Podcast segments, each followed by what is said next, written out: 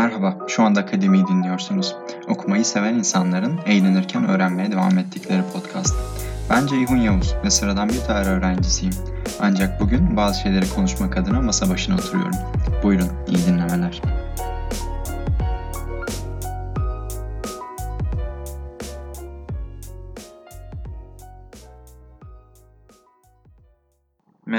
Herkese tekrardan. Bugün Avrupa tarihi oynatma listesi dışındaki ilk bölümünü kaydetmeyi düşünüyorum.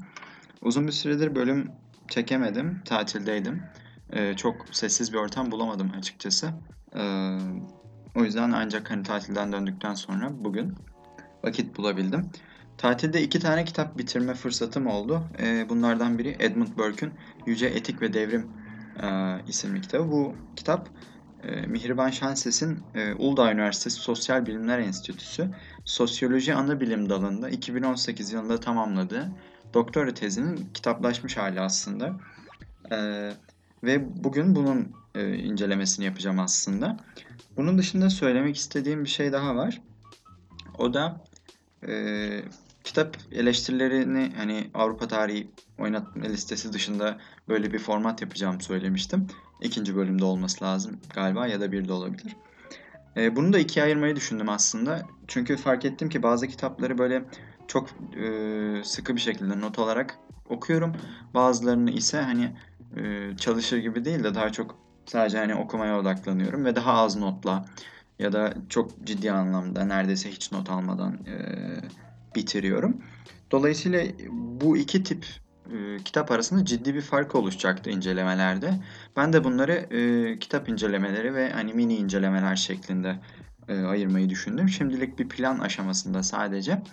Büyük ihtimal bu okuduğum ikinci kitap, e, bugünkü değil. E, mini inceleme olarak e, kaydedeceğim ve yayınlayacağım. Bakalım. E, şimdi bu kitapta size aslında e, ne denir? Hani spoiler mı desem hani belki yerinde olur. Bu tip şeyler olacak. Kitabın içeriğinden bahsederken hani e, aslında Edmund Burke'ün nasıl düşündüğünü veya Mihriban Şenses'in Edmund Burke'ün nasıl düşündüğünü yorumladığını da anlatacağım. E, bunun dışında anahtar kelimelerimiz var. Bunlar e, işte ne bileyim imgelem gibi, muhayyile gibi, muhayyile diye geçiyor kitapta. imgelem şeklinde. İşte Jacobinizm olacak, devrim olacak. Bunların anlamlarını çok iyi oturtacağız. O şekilde düşünüyorum. Bunun dışında Edmund Burke hakkında, Edmund Burke'ün e, fikirleri hakkında geniş bir bilgiye sahip olacağınızı düşünüyorum. E, bu genişlik tabii kişiden kişiye değişir. Her neyse. E, önümde kitabın kendisi var ve aldığım notlar var. E, yaklaşık yani 7 7,5 sayfa bir not almışım. Bu notlar birbirinden çok bağımsız ve farklı farklı konulardan bahsedeceğim gene. Kesik kesik hissedebilirsiniz. Sebebi budur.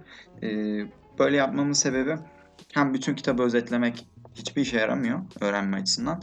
Hem de hani merak edip kitabı okuyacak olan da okusun. Çünkü ben burada her şeyi e, içerisine açıklarsam sizin okuma hevesiniz kalmayacak. Dolayısıyla ben parça parça belirli yerlerden bahsetmeyi, cümle şeklinde notları almayı tercih ettim. Bunun dışında bir öneriniz olursa gene e, sesli mesaj şeyi bırakacağım, linki bırakacağım. Oraya at, e, bırakabilirsiniz önerilerinizi. Her neyse başlayalım o halde. Edmund Burke Türkiye'de çok fazla e, üzerine düşünülen bir düşünür değil. Dolayısıyla bu kitap aslında Mihriban Şenses'in bu doktora tezi Edmund Burke'ün Türkiye'deki e, şeyi açısından kapatıcı bir nitelikte olmuş. Ben e, kitabı çok beğendim. Çok teknik bir kitap gerçekten. E, doktora tezinin daha doğrusu. Ufak tefek farklılıklar vardır kitaplaşmış haliyle. Bu doğal. E, tezi kendi hani orijinal haliyle görmedim. E, ancak hani kitapla izlenimlerim oldukça olumlu yönde. E, bende ciddi anlamda merak uyandırdı. Kitap yavaş ilerliyor açıkçası. Sonuçta bu insanların belli bir bilim alanında e, yaptığı çalışma. Ancak e, her şeyini keyifle ve oldukça öğrenerek okuduğumu söyleyebilirim. E, kitap yaklaşık 275 sayfa. Bunun dışında da bir 25 sayfa kadar kaynak var sanırım. Bu şekilde. İlk başlamadan e, başlarken e, muhafazakarlık e, kelimesinden bahsetmek istiyorum. Özellikle Edmund Burke'ün muhafazakarlığı tabii ki burada tartışacağımız şey. Ee, burada biz e, kitapta muhafazakarlığı aslında iki şeyde incelemişler. Ee, bunların Türkçesini tam şey yapamadım. Tam hani güzel bir çeviri bulamadım. Burada substantive conservation şeklinde, conservatism şeklinde. Hani öze dayalı bir muhafazakarlık ve procedural conservatism şeklinde telaffuzlarım için kusura bakmayın. E, ikiye ayrılmış. Bunlarda farkı ne şimdi onu söyleyeyim.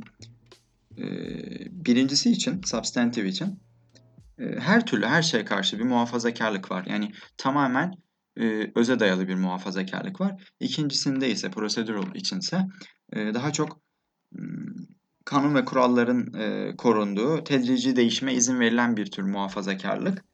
Ben Edmund Burke'ün e, öze dayalı değil de daha çok procedural bir e, muhafazakar olduğunu düşünüyorum. Bunun dışında hani situational conservatism denilen bir durum var. Yani duruma bağlı, durumsal, değişken bir şey var. E, bu terim çok şey tabii hani çok genel bir terim. Bunun içi oldukça boşaltılabilir bir terim. Dolayısıyla bunların tanımını aslında kendiniz zamanla bulmanız daha hoş olacaktır. Neden ben Edmund Burke'ü Procedure Conservatism kalıbına sokuyorum? Neden öze dayalı bir muhafazakar değil?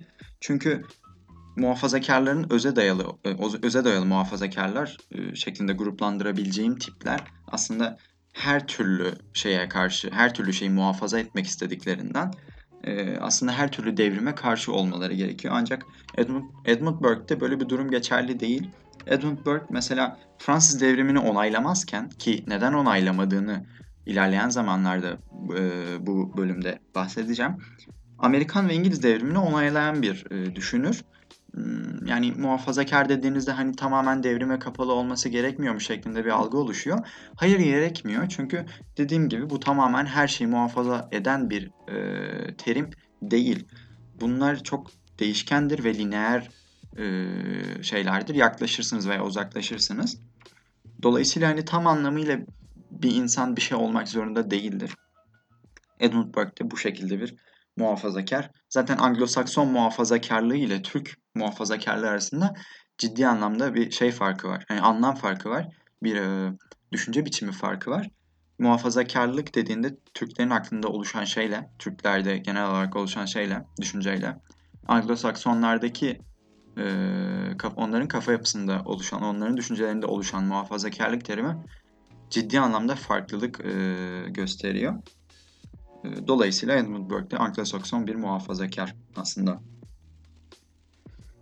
Bunun dışında e, birkaç kelime demiştim. Burada not aldığım kelimelerden biri epistemolojik tevazu.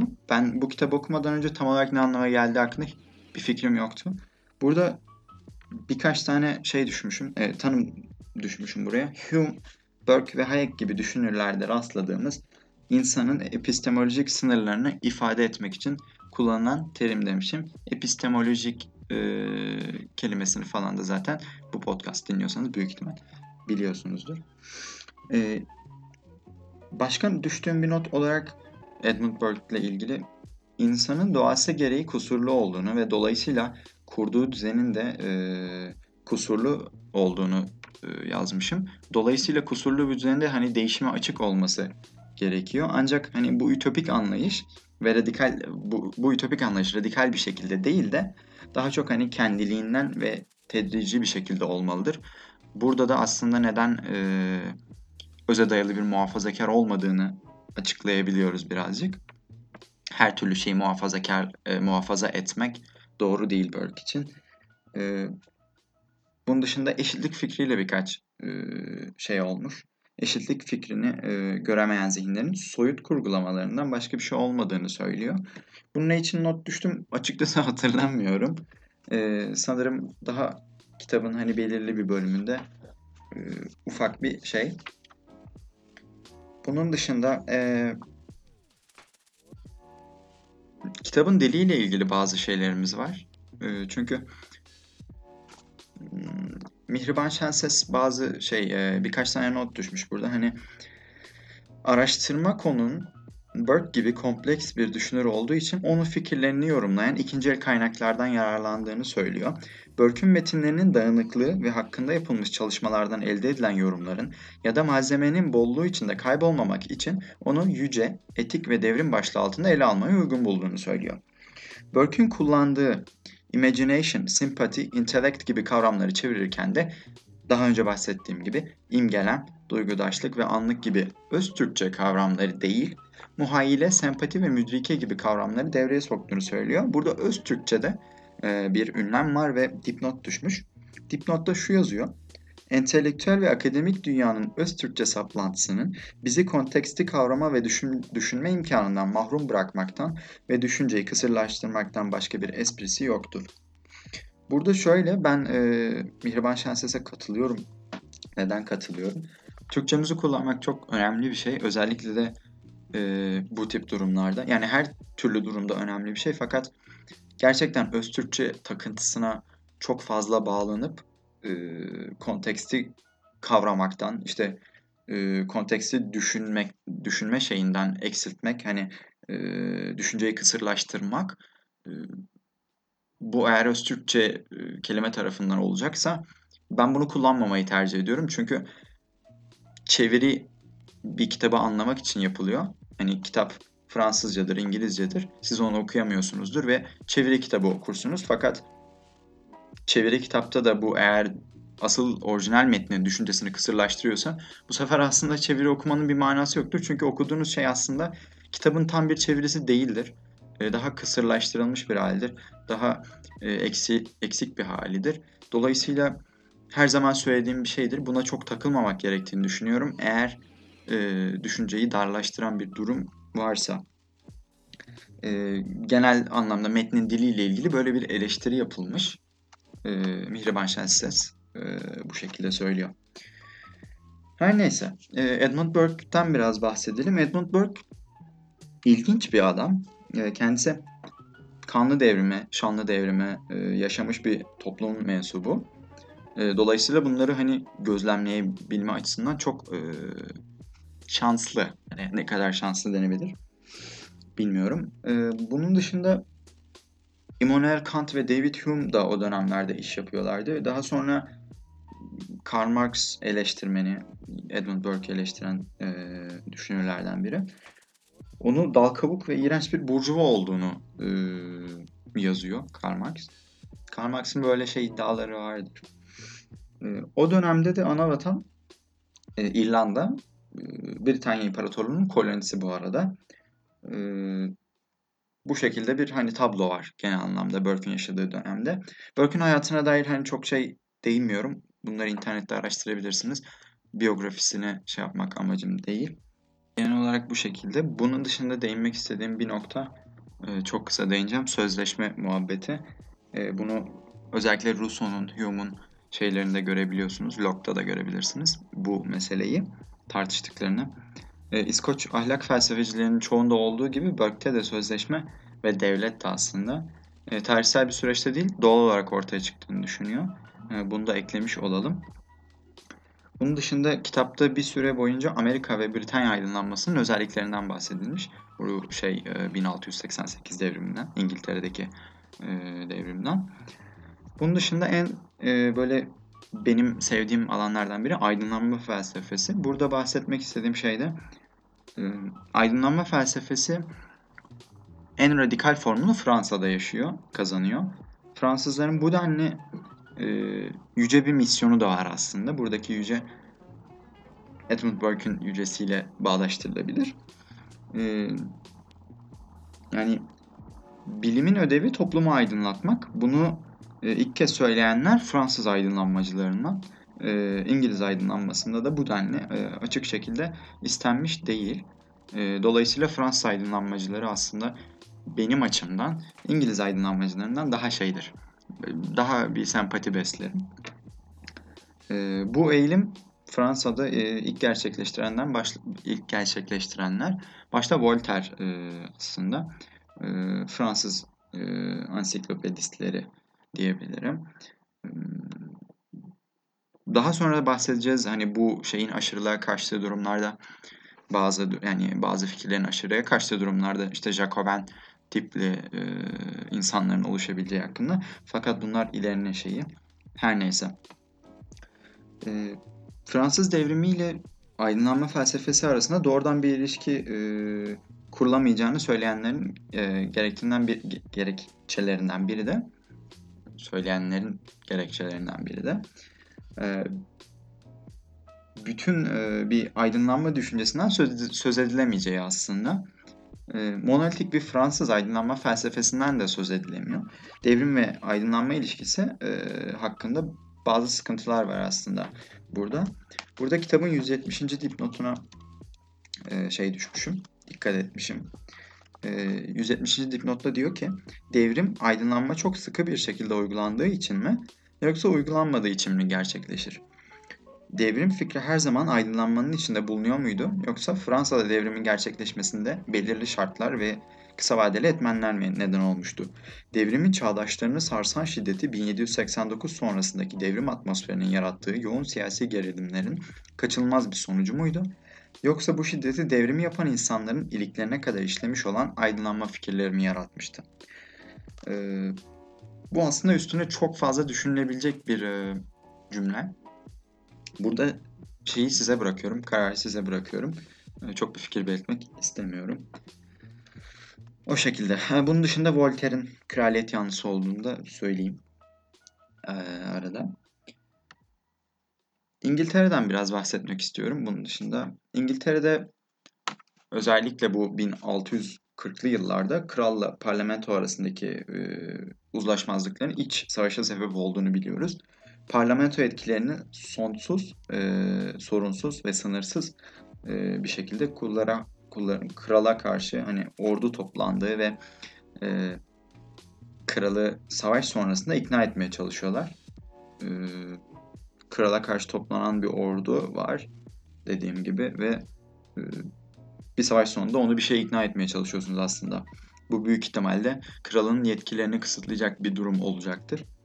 E, bu orduyu toplamak, e, savaşı finanse etmek e, gibi hani ciddi ekonomik sıkıntılara yol açar. Çok doğal bir şekilde. O dönemde de o şekilde olmuştu. Nasıl sıkıntılar? Yani en basitinden vergi artışları falan filan. E, çok şeydir, nettir bunlar. Yetkililerin e, parlamento karşısındaki sınırlandırılmasını istemeyen birinci Charles idam ediliyor orada tabi. Şey yetkililerinin. Ben konuşamıyorum bugün. Eee o dönemde başarılı bir general var. Oliver Cromwell diye. İdam sonrasında Cumhuriyeti. Burada bir parantez açtım ben. Ee, sözde tırnak içinde halkın e, şeyine dayalı, halkın iradesine dayalı bir e, bilinen bir cumhuriyet burada. Commonwealth olarak bilinen bir cumhuriyet. Yani parantezin içi bu şekilde doldurmuş olayım. Cumhuriyeti kurarak e, yönetime geçiyor Oliver Cromwell. Fakat 1660'lı yıllara kadar Cromwell'in e, askeri diktatörlüklerinden e, devam ediyor. Yani ülkeyi eleştirdiği monarşiyi aratmayacak e, şekilde despotik bir biçimde yönetiyor aslında bu eleman. Ancak İngiliz siyasi birliğini tesis ediyor. Hani İskoçya ve İrlanda'nın içinde bulunduğu e, e, kaçıncı Henry'di hatırlamıyorum bir Henry ve birinci James'in e, yapamadığı, sonrasında idam edilen kralın oğlu ikinci Charles'ın e, tahta geçtiği bir şey var aslında. Burada hani Henry ve James hangi Henry olduğunu bir türlü hatırlayamıyorum. Birinci James olduğunu hatırlıyorum. Bunlar aslında bu şeyi e, birliği tesis edemiyor. E, Oliver Cromwell bunu yapmış bulunuyor aslında despotik bir yönetim e, sürdürse de. İkinci Charles'ın tahtaya geçtiğini söyledik. Yani İngilizler aslında cumhuriyeti değil, e, anayasal monarşiyi tercih etmiş oluyor bu durumda. e, bu da kulağa biraz ilginç geliyor açıkçası. Her neyse. E, biraz Amerikan devriminden bahsedelim ve Fransız devrimiyle ilgili e, farklılıklarına mı değinelim artık bilmiyorum. Amerikan devriminde e, bu kitapla alakalı bahsetmek istediğim şey aslında Fransız devriminin aksine ideolojik bir devrim olmadığını e, bu sene ben Amerikan tarihi dersinde de oldukça e, inceledim. E, bu bir kralı tahttan indirmek, e, birilerinin çok zengin olduğu için e, bir ayaklanma değil, vergiye karşı bir ayaklanma ve temsil problemiyle ilgili bir ayaklanmaydı aslında Amerikan devrimi. Daha sonrasında bu e, vergi karşıtlığı, temsil e, eksikliği Amerikalıların kendi bağımsızlığını eline almasına yol açacak. E, çok ideolojik bir devrim değil dolayısıyla e, farklı sebeplerden e, gelişmiş bir devrim. Ayrıca Amerika'da Fransa'daki gibi e, feodal bir toplum yapısını ortadan kaldırma endişesi de yoktu. E, bunu gene neden ideolojik bir devrim olmadığı kısmına da et, e, eklemiş bulunayım. Fransız devrimi Burke'e göre hani kusursuz, e, mükemmel bir toplum yaratma çabası. Bunun aslında daha önce olmayacağını söyledik çünkü insanın kusurlu olduğunu görüyor Burke. E, Fransız ihtilalinin e, sebebi olarak üç önemli ekonomik sorun var. Bunlardan üç tanesini ele alayım. Birincisi vergi muafiyeti. İkincisi vergi tahsilindeki verimsizlik ve yozlaşma. E, ve istikrarlı bir e, kanun e, kalitesinin sisteminin eksikliği diyebilirim. E, dolayısıyla hani Fransız devrim gerçekten e, çok ideolojik bir devrim oluyor ve hani bunlar daha sonrasında bir şeye karşı çıkan tipler gene daha sonra bahsedeceğim Jacoben e, diyebileceğimiz insanlar. Jacobenler hatta e, onların tanımını iyice dolduracağım ilerleyen zamanda. Bir şeye karşı çıkarken aslında kendileri hani bir dine karşı çıkarken e, kendileri ona karşı çıkma dinini oluşturmuş olacaklar. Dolayısıyla bu benim de sevmediğim bir şey. Burke'le bu konuda e, çok benzer bir fikrimiz var. Burke monarşinin devrimden değil dinden, e, adam muaşeretten ve anayasadan nasipleneceğini savunuyor. Burada sonrasında uzunca yüce muhayyile ve etikten bahsediliyor. Fransız e, devrimini, e, neden yüceyi yıktı, Fransız devrimi neden yüceyi yıktı, muhalif olmanın yık, yıkmak anlamına gelmediği anlatılıyor. E, ki burada gene bir parantez düş, düşmüşüm. İslamiyet ve Hristiyanlığa baktığımızda da aynı şeyi görebildiğimizi söylemişim. E, finitif ve infinitiflik e, tam bahsetmişim. Burada Tanrı'nın infinitif olduğunu, hiçbir soyut e, iyi kişiliğin üzerinde e, konamayacağını söylemişim. Burke için etiğin neden yüce olduğunu da burası açıklamış bulunuyor. Daha sonrasında üçüncü bölüme geçiyoruz kitapta. E, Devrim, Jacobenizm ve Demokrasi isimli bölüm. E, bence burası kitabın en güzel kısmı e, benim için açıkçası. Burke'ün Fransa devrimi konusundaki e, görüşlerini ve Jacobenizm ve demokrasi ile birlikte de ele aldığı için ben bu kitabı, e, bu kısmını en çok beğendiğim kısımları e, şeklinde düşündüm. Toplayamadım cümleyi. Burada evet artık Jacobenizmin tanımını yapmak istiyorum ben. Jacobenizm e, ideolojisini genel kitle ideolojisinden Y gören diyebilirim. Ve e, bu ideolojiyi dikte yoluyla kabullendirmeye amaçlayan bir politik akım aslında. E, keskin devrimci anlamına geliyor ve akım Fransız devrimi sonrasında kurulan Jacoben Demokratik Kulübü'nün fikirlerine dayanıyor. E, Türkçe'de Robespierre diye telaffuz ediyorlar. E, şeyini bilmiyorum Fransızcasını. Robespierre öncülüğündeki bu kişilerin amacı bir dönemlik dikta yönetimi sonrası aydınlanma çağı parantez içinde felsefecilerinin öngördükleri doğal düzene kavuşmaları aslında. Bu bir tip toplum mühendisliği e, çabasıdır Burke'e göre, e, bana göre de o şekilde ve 20. yüzyıl ortalarına kadar da etkisi sürüyor. Fransa'daki azınlıklara kendi dillerini konuşma olanağını engelliyor mesela. E, Fransız Jacobenlerinin e, ideolojisi aristokrasi yerine cumhuriyet bu arada. E, ve bunun dışında da Jacoben kelimesinin aslında çok dar bir kavram olmadığını e, söylemek istiyorum. E, herkes Jacoben olabilir. Herkes kendi ideolojisini genel kitle ideolojisinden Y görüp onu dikte yoluyla kabullendirmeye çalışabilir. E, oldukça despot bir şey sonuçta. E, herhangi bir fikir olabilir. Belirli bir fikir olmak zorunda değil. Dolayısıyla herkes Jacoben olabilir. E, bu bölümde Burke'e göre Jacoben ile devrim arasında e, ne tür anlamlı bağlantılar var gibi bir soruyu aslında cevaplayacağız. Bunun dışında Jacobenizmin 20. yüzyıl ideolojilerine totaliter ve otoriter, otoriter rejime katkısı nedir? Bunu cevaplayacağız. E, Jacobinizmle demokrasi örtüşür mü? Bunu cevaplayacağız. E, bunları ben direkt olarak söylemeyeceğim. Bunları sizin düşünmenizi istiyorum. Ben bunları e, alt metinden aslında cevaplayacağım. Siz kendi fikirlerinizi daha sonrasında iletebilirsiniz dilerseniz. Bunun dışında Fransız devrimi Burke'e göre demokrasi veya burjuval bir devrim midir veya halk devrimi midir? Burjuva devrimi midir? İşte demokrasi devrimi midir? Ne tip bir devrimdir? Bunu e, öğrenmiş olacağız. Burke'ün devrimcilerin özgürlük, temsil, insan hakları gibi düşüncelerinin neden karşı çıktığını da açıklamış olacağız. E, dolayısıyla bu bölüm en sevdiğim bölüm.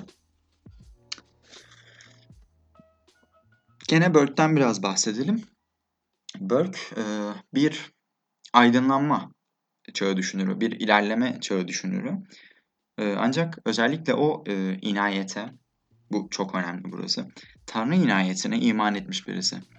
E, inayet fikri seküler alanda değil, e, Tanrı'da ve dinde temelleniyor dolayısıyla Burke için.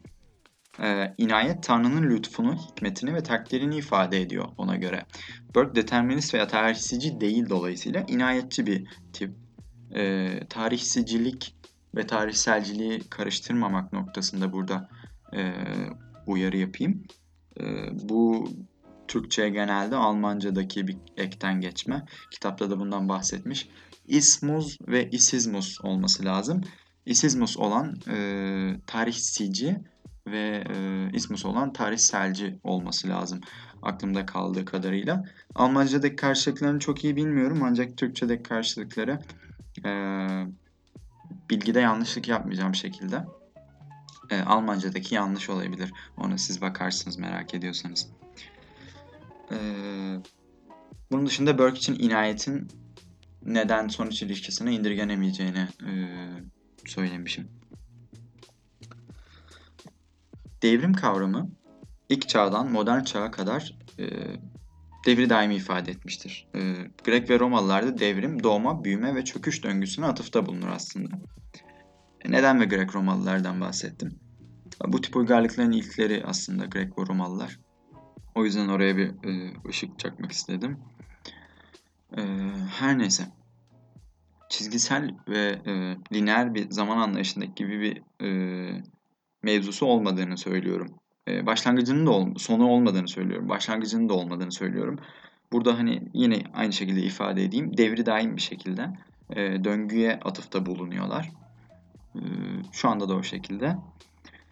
E, kavramın kullanımı doğa bilimlerinde 16. yüzyılda yaygınlık kazanıyor. Devrim kavramı. Kopernik'in gök cisimlerinin e, devirleri, devirleri mi? Galiba kitabın ismini tam hatırlayamadım.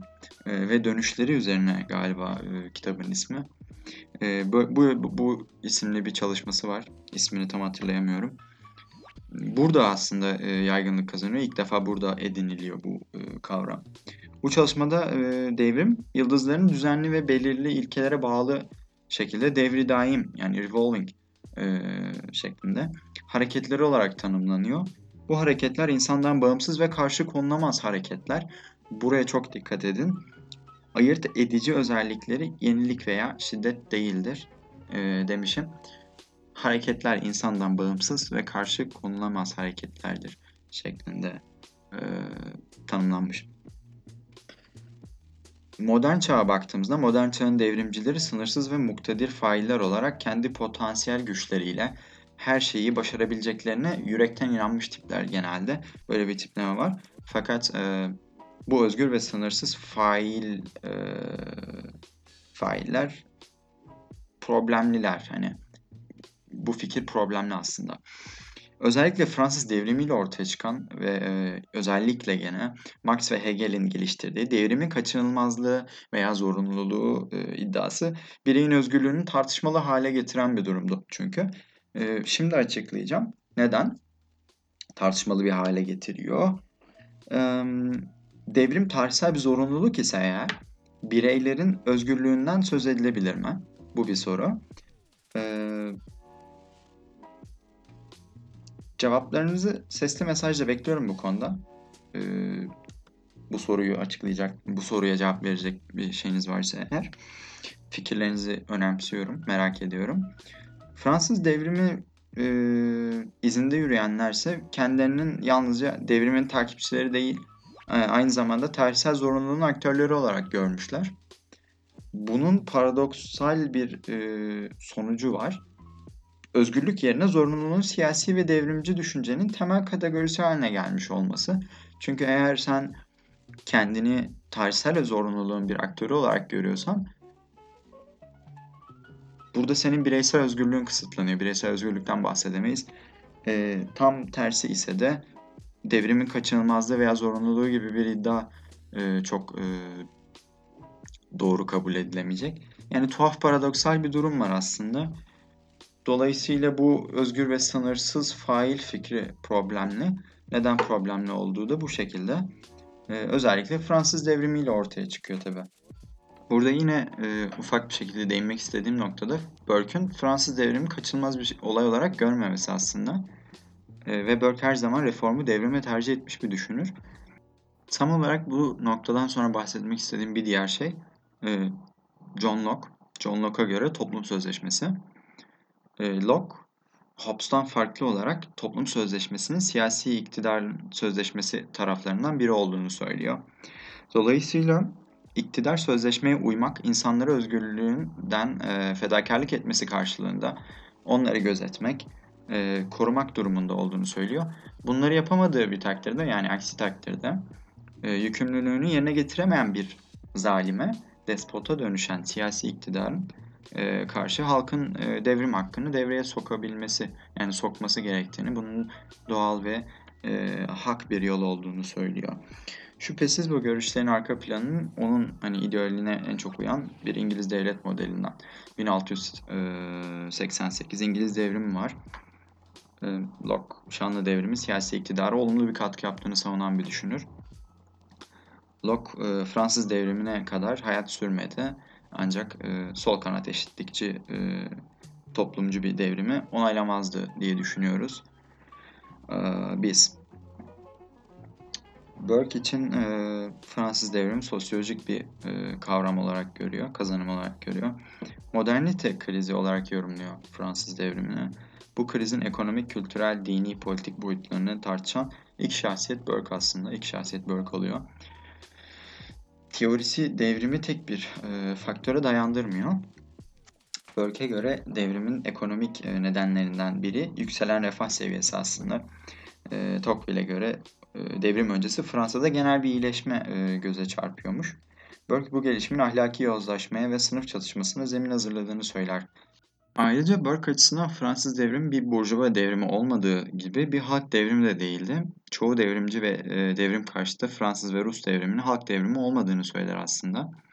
E, George Taylor da siyasi sonuçları olan toplumsal bir devrim değil, toplumsal sonuçları olan siyasi bir devrim olarak nitelendirmiş.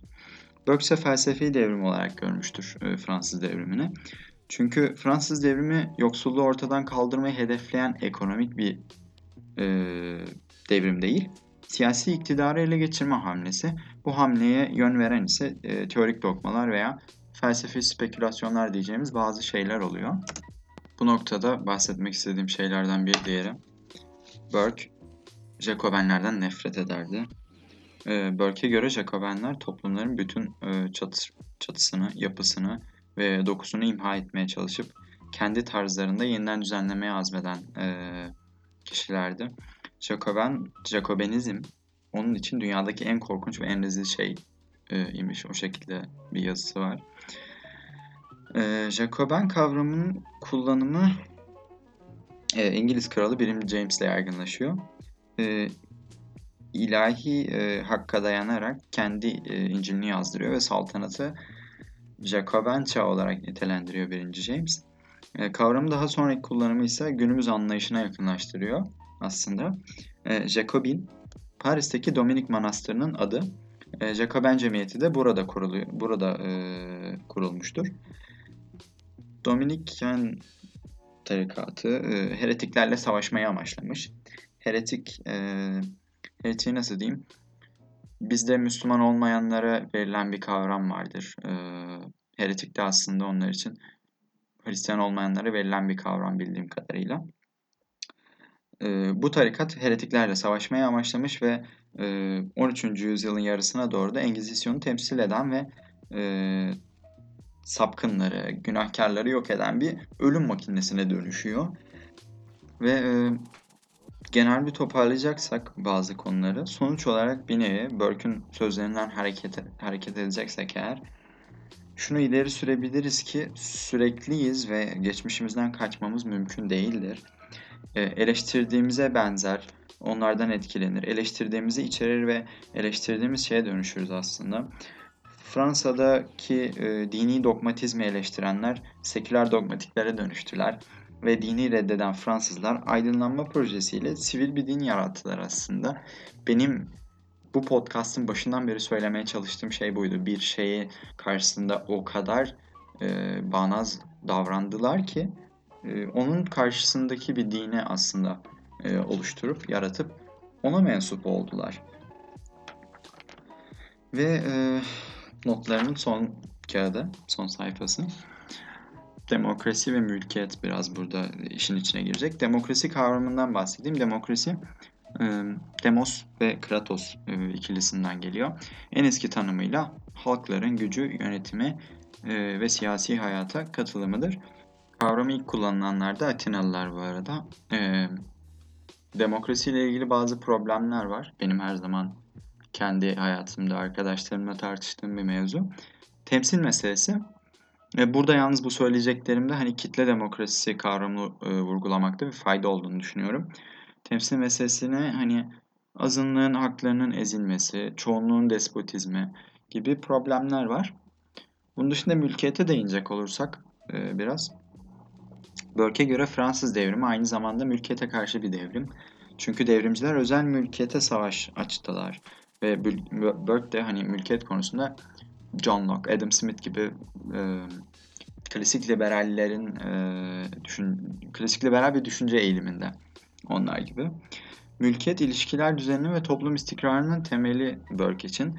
Mülkiyet eşitsizliğe dayalıdır ve bu da e, güvenlik ve iktidar sorununu beraberinde getiren bir şey aslında. E, mülkiyet bireylerin toplumundaki yerine belirlediği ölçüde tabii ki bazı toplumsal ve siyasal yükümlülükler de getirecektir e, ardında.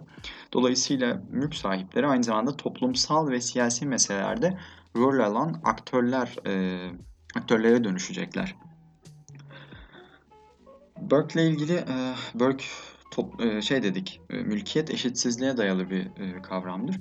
Burke toplumsal eşitliğe inanmayan e, bir tipleme. Doğal olanın eşitsizlik olduğunu söylüyor. Bu da doğal bir aristokrasi yaratıyor Burke'ün kafasında. Burke eşitsizliği yok etmeye çalışan Fransız devrimine de karşı bu yönden. Fransa'da reformdan yana olduğunu tekrardan vurgulayalım. Ee,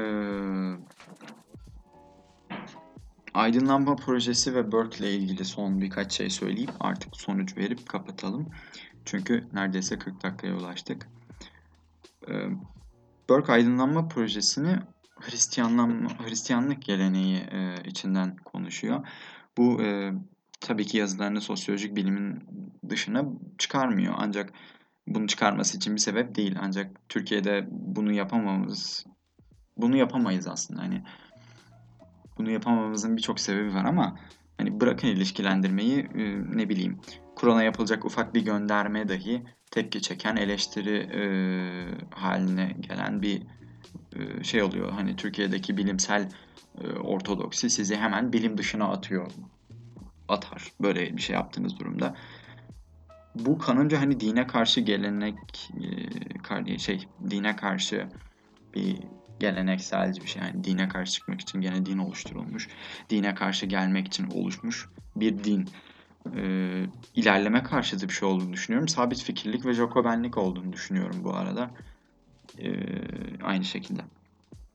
Türkiye'deki muhafazakar düşünce yapısı hani imparatorluğun yıkılmasına bağlı bir tepkiden doğmuş aslında. Ve e, soyluluğa, soyluluğun kaldırılmasına, ara kurumların yıkılmasına, kral ve kraliyet ailelerinin katline tepkiden doğmuş bir şey değil, kavram değil. Bu nedenle de bir ölçüde patolojik aslında. Modernist zihniyetin toplum projesine tepkiden doğmuş bir şey. imparatorluğun kaybı Türklerin muhafazakarlığında milliyetçi ve devletçi bir damarın ortaya çıkışına sebep oluyor. Jacoben ve modernleşmeci, modernci ya da nasıl adlandırırsanız zihniyet ise daha reaksiyoner muhafazakarlığın zeminini hazırlıyor aslında. Her neyse hani konu Türkiye'nin muha- Türk muhafazakarlığı değil. Ee, ancak Burke'ün hani bize öğrettiği şey geleneğin değişime engel olmadığı aslında bu noktada. Değişim uğruna geleneğe radikal müdahale ve e, yapmanın ne devrim ne de demokrasi kontekstinde akıl kârı olmadığını söylüyor. Yani benim için de bu şekilde, benim kendi kişisel fikrim de bu şekilde. Değişim uğruna radikal müdahaleler bence bazen de korumamız gereken e, ufaklı büyüklü şeyleri tamamen ortadan kaldırmamıza yol açıyor. Dolayısıyla çok akıl kârı olduğunu düşünmüyorum. Sonuca gele, gelip gelecek olursak, 40 dakika oldu malum.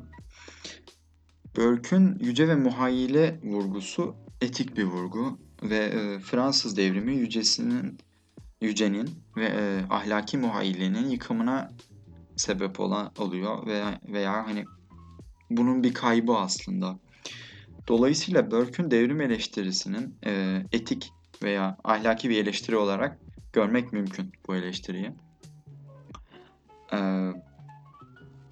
Türkiye örneğinde ise Cumhuriyet'in hani kurucu babaları toplumu medenileştirmek, modernleştirmek, aydınlatmak için Batı'nın ideolojik araçlarını devreye sokuyor. Fakat bu e, toplumsal proje ve araçlar halk tabanında sınırlı ölçüde karşılık buluyor. Burada Kemalist e, insanlar bana oldukça e, sinir olacaktır belki ama bu projeyi benimseyen politik statikocuların e, gözünde halk cahil, koyun, e, aydınlatılmaz ve uyandırılamaz olmaktan kurtulamamış. E, sonuç olarak Türkiye'de iflah olmayan, halkı çekişlemekten vazgeçmeyen devrimci, Jacoben ve Kemalist bir paradigma hem kendisini hem de halka e, yıpratmıştır ve iflasa sürüklemiştir kanımca.